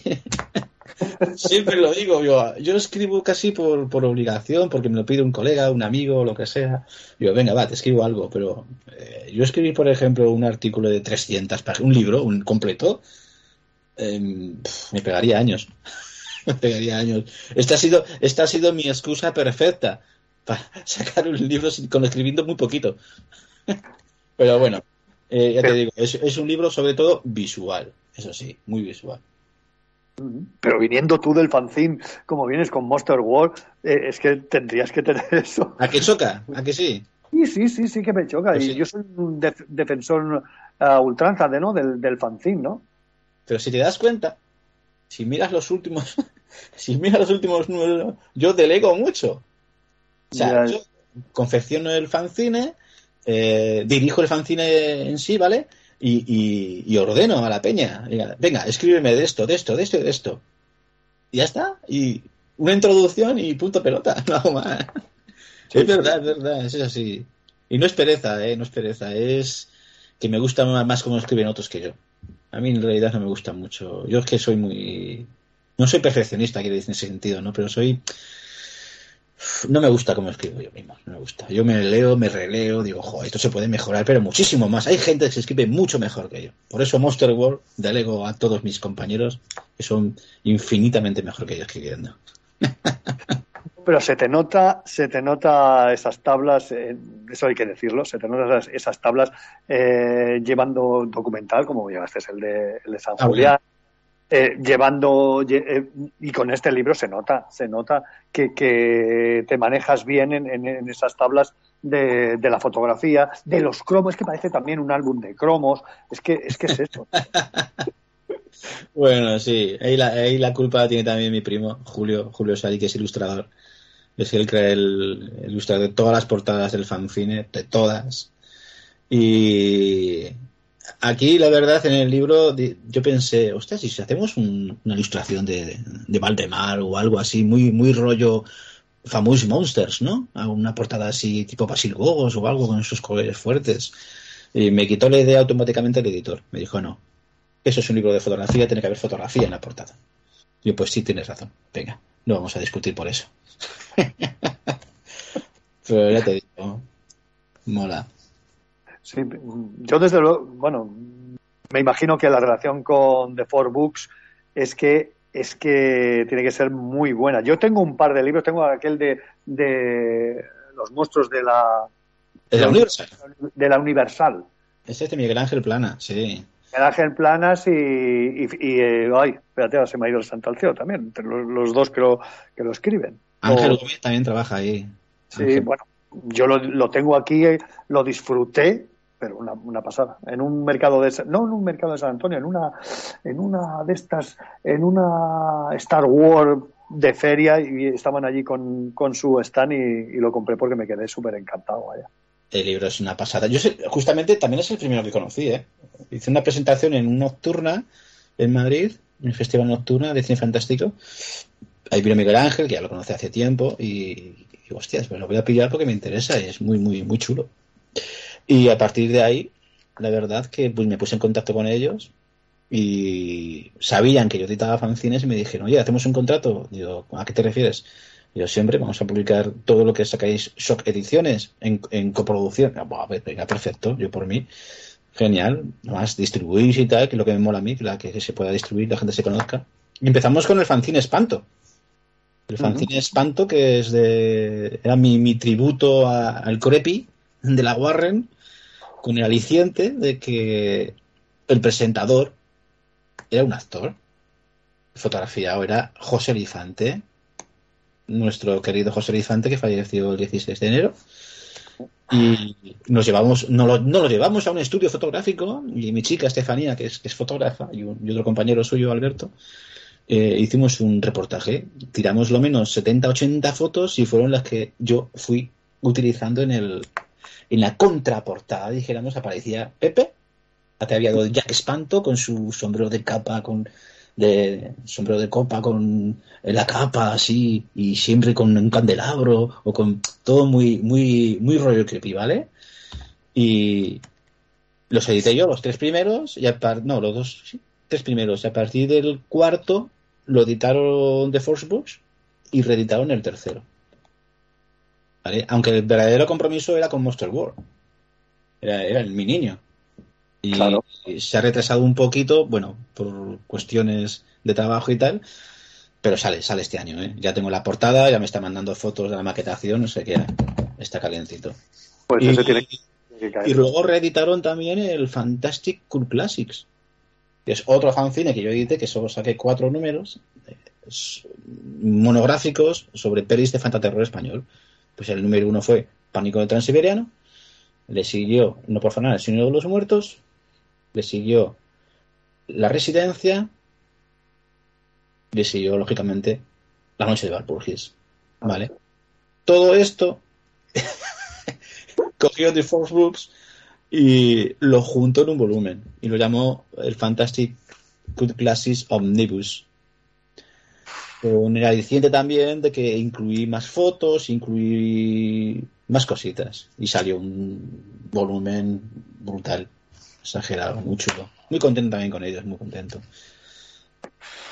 Qué genial, qué genial. Yo simplemente, yo te voy a, sé que te, que sé que te tienes que marchar, te voy a hacer ya prácticamente do- por preguntarte dos cositas. Primera, ¿vais a venir a Barcelona para, para presentar el libro de Paul Nashi? Eh, si está para octubre. Sí. No, pero digo usted primero. Ah, no, no, este no. No, no, no, ni al Salón del Cómic vas a- vais a venir. Aquello, Eh, eh, no, por la sencilla razón de que, eh, y lo comenté también en la presentación, este libro tiene una, edición muy limitada, ¿vale? Una edición limitadísima que la editorial prácticamente ya no dispone de ejemplares y están ya distribuidos y vendidos, ¿vale? Esto ha sido como la espuma. O sea, este libro, si no lo tienes hoy, en prácticamente mes, mes y medio desaparece del mercado. La tirada mm, tampoco que quiero me dejan decirlo.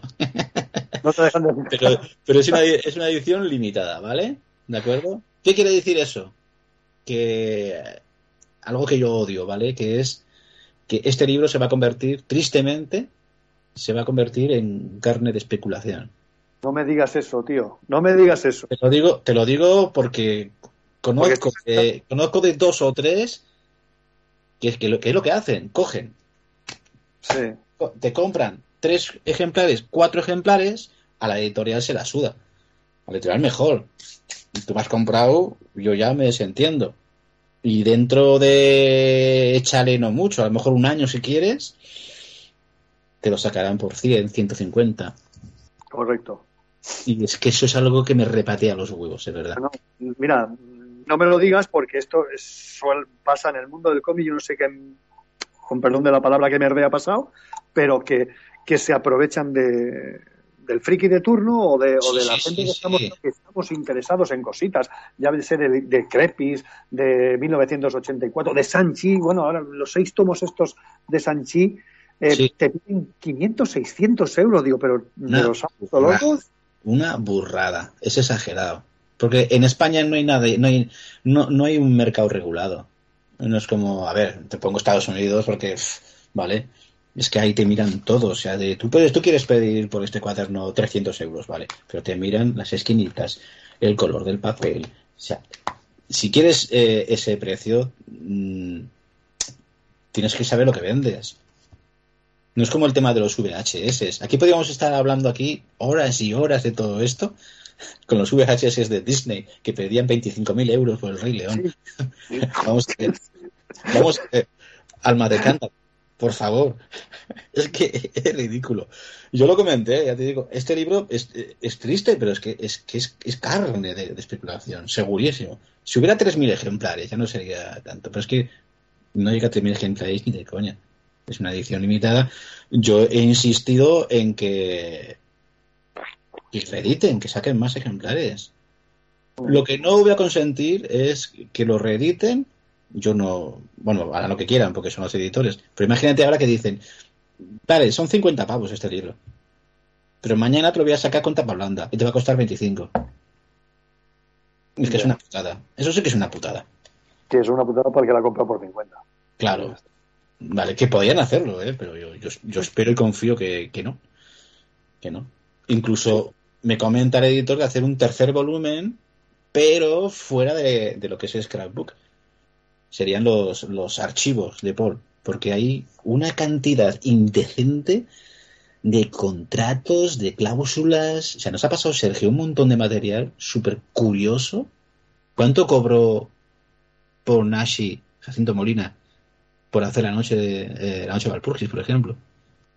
Pues te pone lo que cobro, el cuánto empieza el rodaje, cuándo termina el rodaje. Hay, hay una documentación espectacular.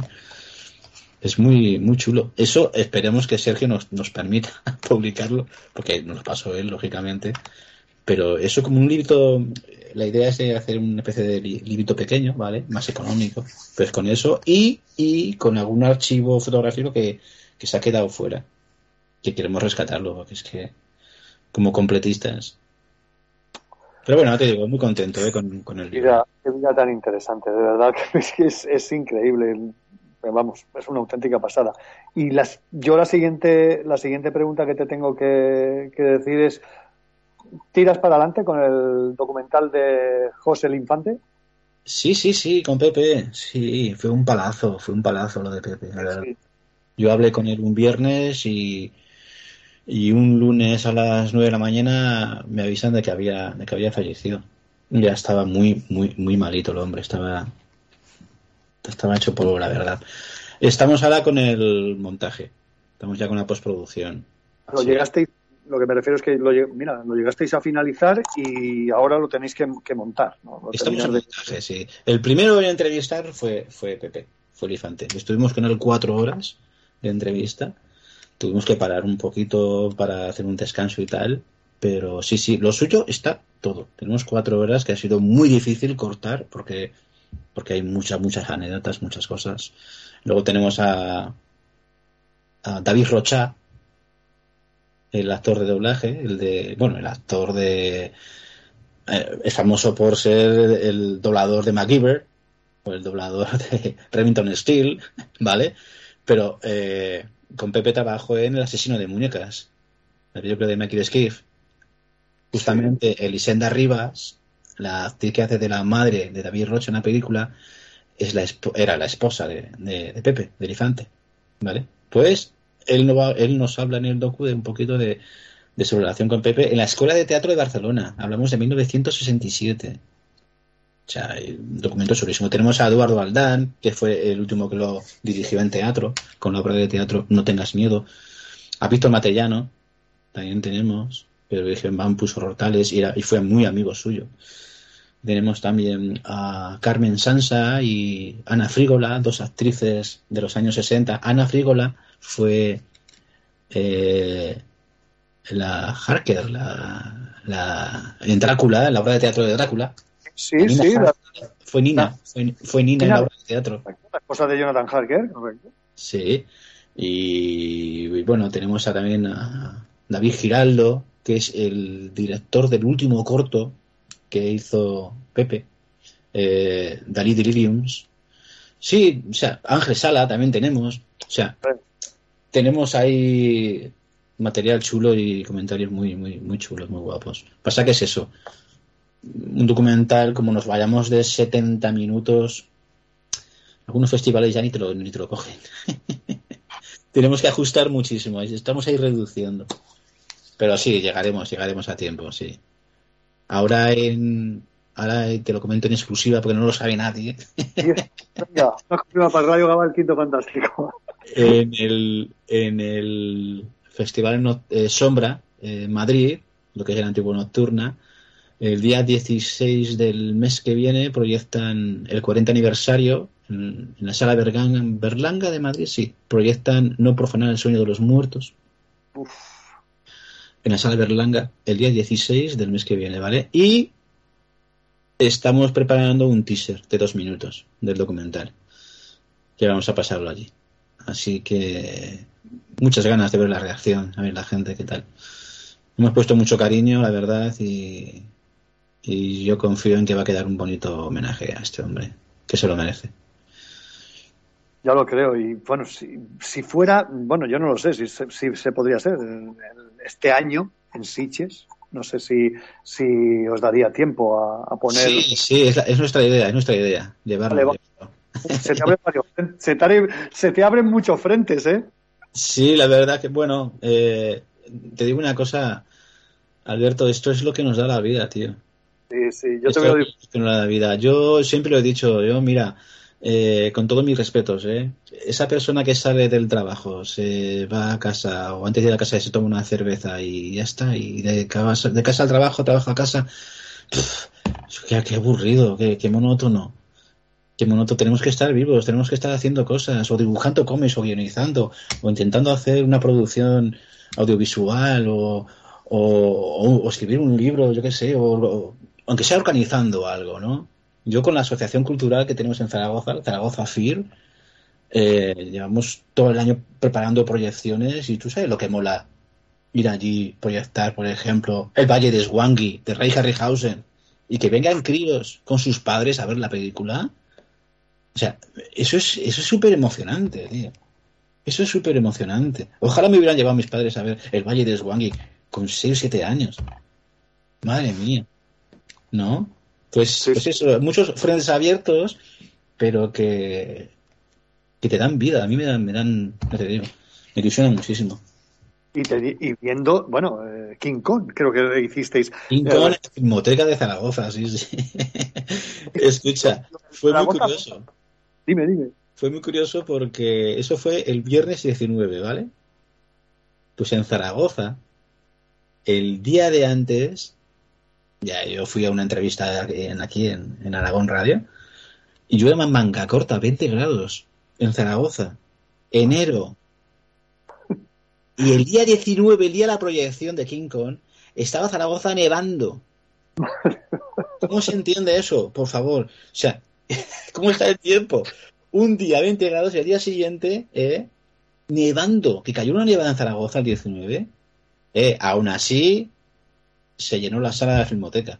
Qué bonito. Qué pasada. Eso del Zaragoza Fer me lo tienes que explicar tranquilamente porque le daremos cobertura, porque es que yo creo que vale la pena, que vale la pena ir y, y vamos y, y ver lo que lo que hacéis allí. Te adelanto, te lo, adelanto, te lo adelanto ya. Tenemos un Venga. ciclo fantaterror chiquitín, nada, dos pelis, ¿vale? El, te lo digo, 7 de marzo, La campana del infierno, de Claudio Berín. Y tenemos el sábado 9, por favor, Pánico en el Transiberiano. ¡Oh! Tenemos pantalla grande para proyectar Pánico en el Transiberiano. Mira, es que mi peli preferida del fantaterror, ¿eh? Bueno, mm, se me caían las lágrimas cuando murió Eugenio Martín, creo que fue en enero del 2023 o por ahí. Eh, la dedicatoria que le haces en Facebook, yo lo recomiendo a todo fan porque es... Es que también tuve, tuve la enorme suerte de poder ser amigo suyo, de ver de, de conocerle y, y comer con él y estar en su casa y hablar de cine y vamos, y fue bueno, a ver, el hombre ya tenía 94, creo, ¿eh? Y aún así de cabeza estaba muy bien. De salud no tanto, pero de cabeza estuve escribiendo prácticamente hasta sus últimos días, el hombre o novela, o escribía guiones, o hacía ensayos. Una pena, una pena. Mira, justamente la semana pasada estuvo Lone, Lone Fleming, su, su viuda, estuvo en, en, Gran, en Granada, sí, en la Escuela de Cine de Granada que él inauguró en el año 50 y algo. entregando allí todos los archivos de Eugenio. Guiones, fotos, eh, bueno, bueno, bueno. Sí. Lo que pudo llevarse la mujer, porque iba a venir una furgoneta, llevarse todo. sí, sí, sí, sí. Es Yo que- recuerdo que iba, yo recuerdo que iba por su casa, iba por los pasillos en, en Mirasierra y en Madrid tenía una casa que era de 300 metros cuadrados y daba la vuelta alrededor. Era así, es muy curioso, ¿vale? Y yo andando por los pasillos y me iba tropezando con los libros. Él me tenía libros por el pasillo empilados, me empilas y me decía, son para tirar. Y yo, Eugenio, ¿vas a tirar esto? Y yo, sí, porque ya no sé dónde dejarlos, son para tirarlos, no, no los quiere la biblioteca. Y yo, ¿qué dices? No los quiere, son para tirarlos. Y yo me empiezo a mirar para allí, eran libros de cine de los años 60, eh, cosas, cosas, pero Eugenio, pero ¿no te importa que me lleve alguno? Sí, sí, cógete lo que quieras. Y aquello fue, de verdad, me quedé yo perplejo de un material que había allí. Mucho, mucho seguramente iría a la basura. Muchísimo. Pero mira, todo lo que es material fotográfico y, y archivo de, guiones y tal, eso sí que se ha guardado. Y, doy fe porque, porque Lone lo, lo, lo quiso así, se lo prometió y, y acabado en, en, en, Granada, en la Escuela de Cine de Granada. Pues. Fíjate que hay tres personajes que creo que te han influido a ti mucho, que ha sido, mira, uno ha sido José el Infante, después Eugenio Martín, y te iba a preguntar por Pierrot, pero no, creo que no tenemos tiempo. Antonio, Antonio, ay madre mía, Antonio. Qué Oh, majo, qué hombre más majo. Cu- ¿Cuántas charlas telefónicas, por Dios? Uf, cuántas charlas. Tengo una entrevista por ahí, la tengo en, en, en DV por ahí, que le hice en su casa. A ver si algún día la, la rescatamos. Sí, hombre, sí, la- si la rescatas, dímelo y la ponemos en el Quinto Fantástico, sí, sí, sí. Y la pones en, donde tú creas conveniente, pero con tu autorización la ponemos allí. No sé si lo verás, pero que tengo esto organizado, pero no te creas, sí. Digo que tendría que buscarla. Vale, vale. Es que fíjate que, que tres personajes, ¿no? Eh, David, muchísimas gracias por haber estado aquí en el Quinto Fantástico de Radio Gabá. Eh, te emplazo para otro día y seguro que podremos Cuando hablar. quieras. Ha sido un placer, un gustazo. Y cuando quieras, tío, aquí me tienes. David, un abrazo y muchísimas gracias por haber estado aquí con nosotros. A ti, a ti. Hasta luego, Deo, gracias. A ti, gracias. Coming soon to this theater, a ghastly, ghoulish, and totally incredible motion picture. The Werewolf versus the Vampire Woman.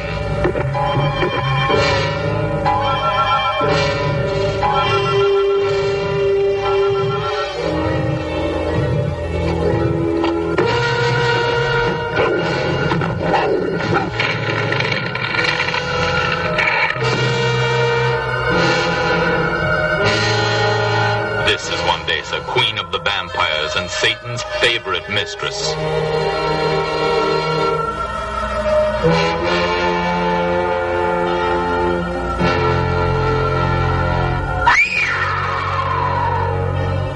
Werewolves and vampires will reign supreme, and things will happen that have never been seen by human beings.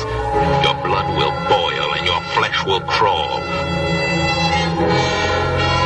No one can escape the vampires, and no one can run from the werewolves.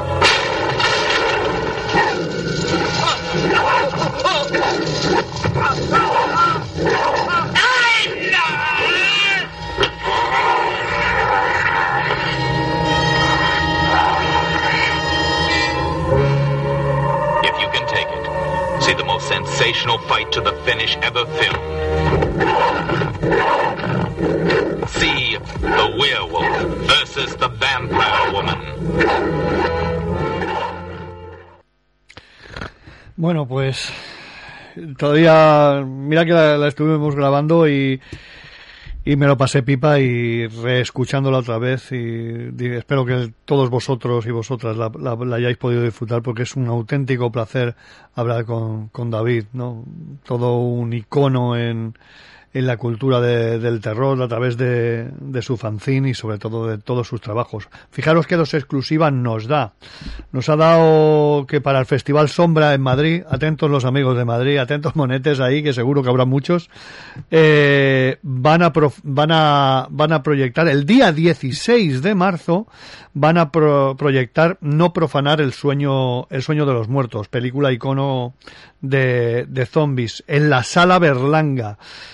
Y nos ha adelantado que ahí habrá un teaser de, del, del, de- del documental a Pepe, a Pepe el Infante.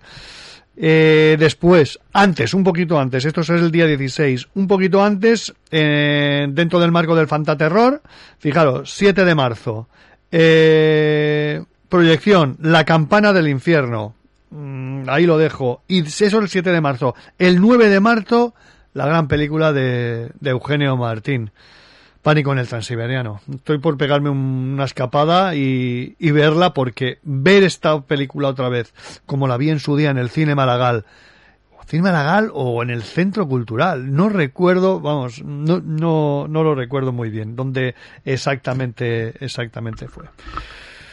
Todo un lujo, como os he dicho, hablar con David García Saliñera. Comentaros un par de cositas. Os dije lo de lo de Paco Roca. Estamos en ello. Mm, va liadísimo. Es, ha sido un exitazo eh, el abismo del olvido. Mm, no hemos conseguido.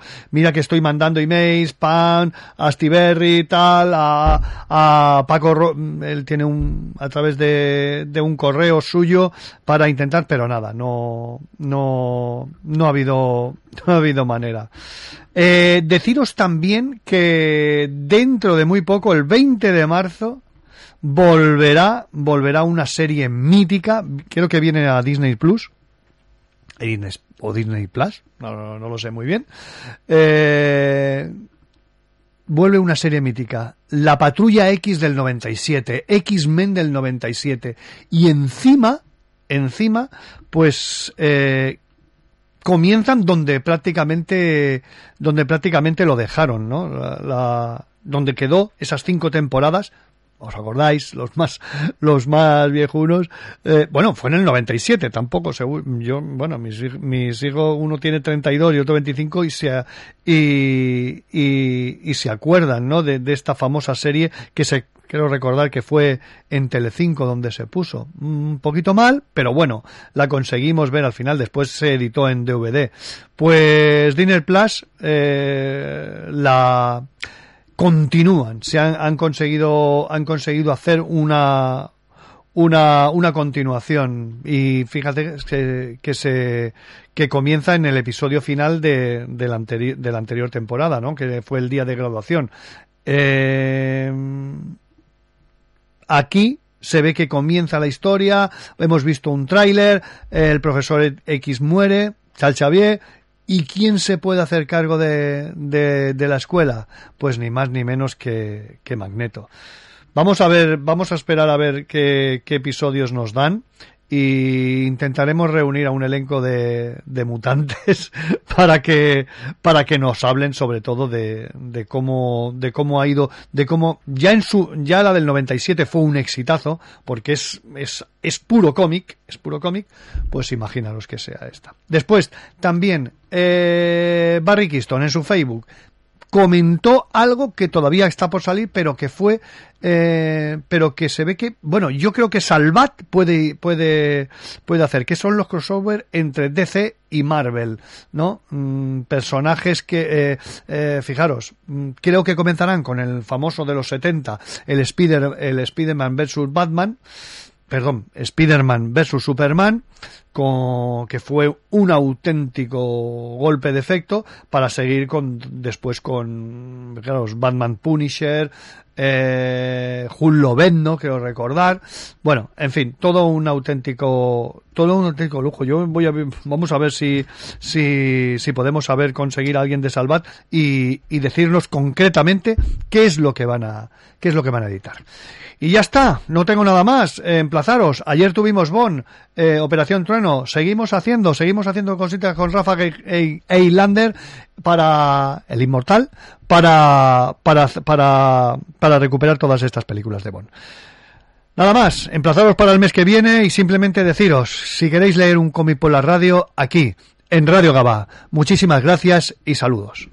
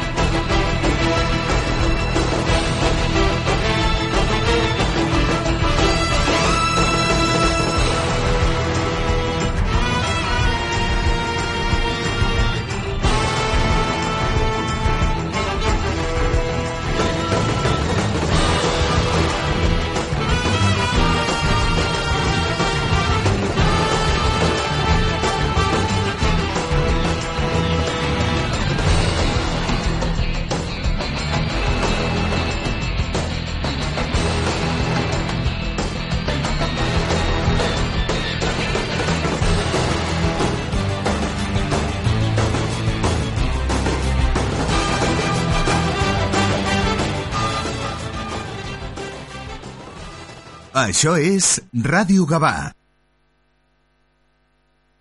Hola. Vida Mejor, tu inmobiliaria en Gabá, tiene un plan sencillo para que vendas tu piso seguro. Y es que disponemos de más de 2.400 compradores para ti.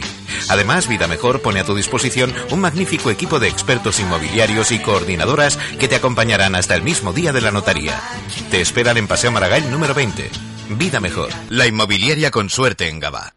En Ianes Plantillas Deportivas Gabá contamos con un equipo de podólogos que cuidarán y mimarán tus pies como nunca lo hicieron. Con más de 30 años dedicándonos a la podología, somos líderes en plantillas. Contamos con servicio especializado de cirugía del pie, destacando entre nuestros pacientes deportistas profesionales. Trabajamos con las principales mutuas, también puedes visitarte con nuestro servicio de traumatología. Llámanos 936621162 o ven a vernos. Estamos en el carré de San Josep Puriol número 7 de Gabá, porque la salud de tus pies es mucho más importante de lo que crees. Te esperamos en Ianes Gabá.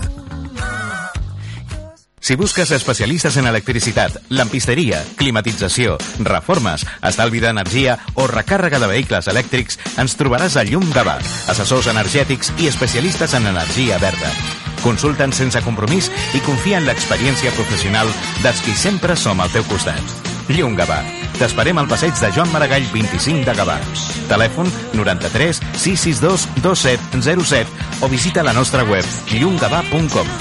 Llum Gavà. Sempre al teu costat. Això és Ràdio Gavà.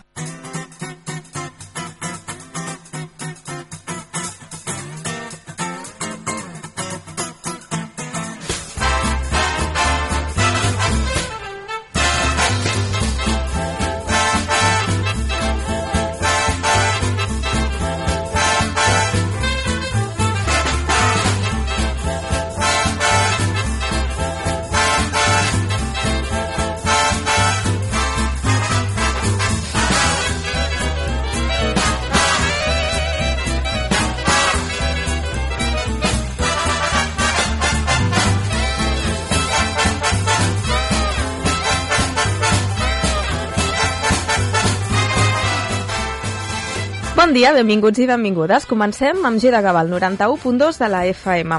Us acabem de posar, és que riu per no llorar, no, no, però ens ho prenem amb humor. Hem posat a les xarxes socials, fa res, que avui parlàvem amb Ricardo Marín, i és que ho teníem previst, i és que el músic de Gavà està aquests dies per aquí perquè és un tio pluriempleado total i multitasking. Resulta que està doncs, treballant a la gira de Manolo García, de la qual doncs, forma part com a guitarrista i també director musical i finalment no sabem si el podrem tenir avui però volíem parlar amb ell perquè mm, d'aquí no massa estarà publicant el seu eh, quart disc, n'ha avançat tres singles i just demà està dins de la programació del Barna Sants eh, fent un concert a la sala Luz de Gas. I, bueno, pues, mm, justament ara ens acaben de dir que potser no, no el podem tenir avui, a veure si podem negociar, o si el podem tenir mm, demà, així com sigui, pues, mm, bueno, coses, de, coses del directe que diu el tòpic, però és que és totalment cert. Una hora abans mm, segurament ens acabem d'entrar que no podrem fer segurament aquesta entrevista. Bueno, però que sí que tenim clar és que avui vindrà el Víctor Roca, de Llanes Gavà, que ens parlarà de la salut dels peus. En aquest cas, del peu diabètic.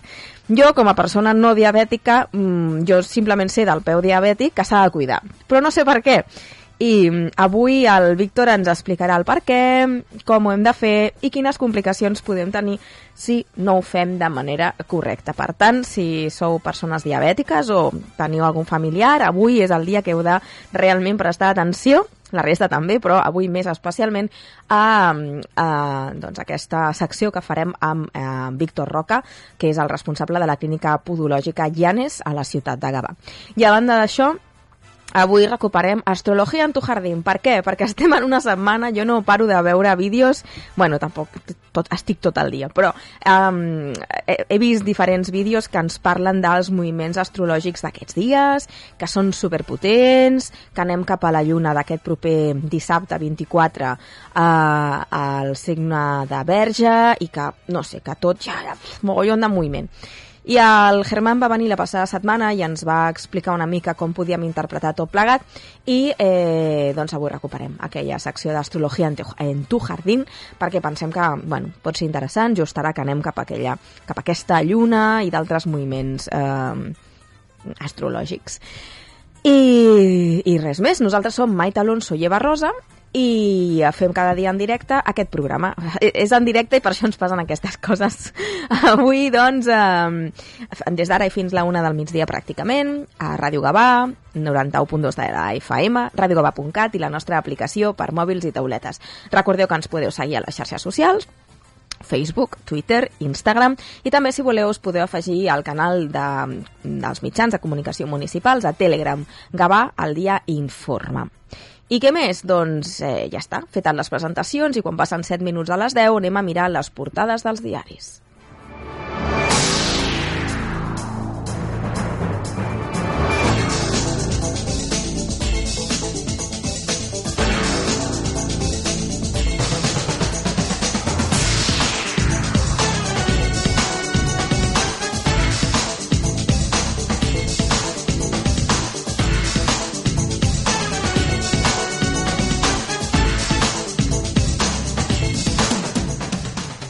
Comencem amb els diaris que estan amb la ressaca electoral, com sempre es fa servir aquesta um, paraula, no? aquestes dues paraules, de les eleccions gallegues. El diari El País diu que Suïssa qüestiona la investigació per terrorisme del cas Tsunami, però pel que fa a les eleccions gallegues, l'escenari polític després de les mateixes Feijo es veu reforçat i crida a concentrar el vot en el Partit Popular. Sánchez urgeix al PSOE a forjar lideratges que vagin més enllà de la seva marca.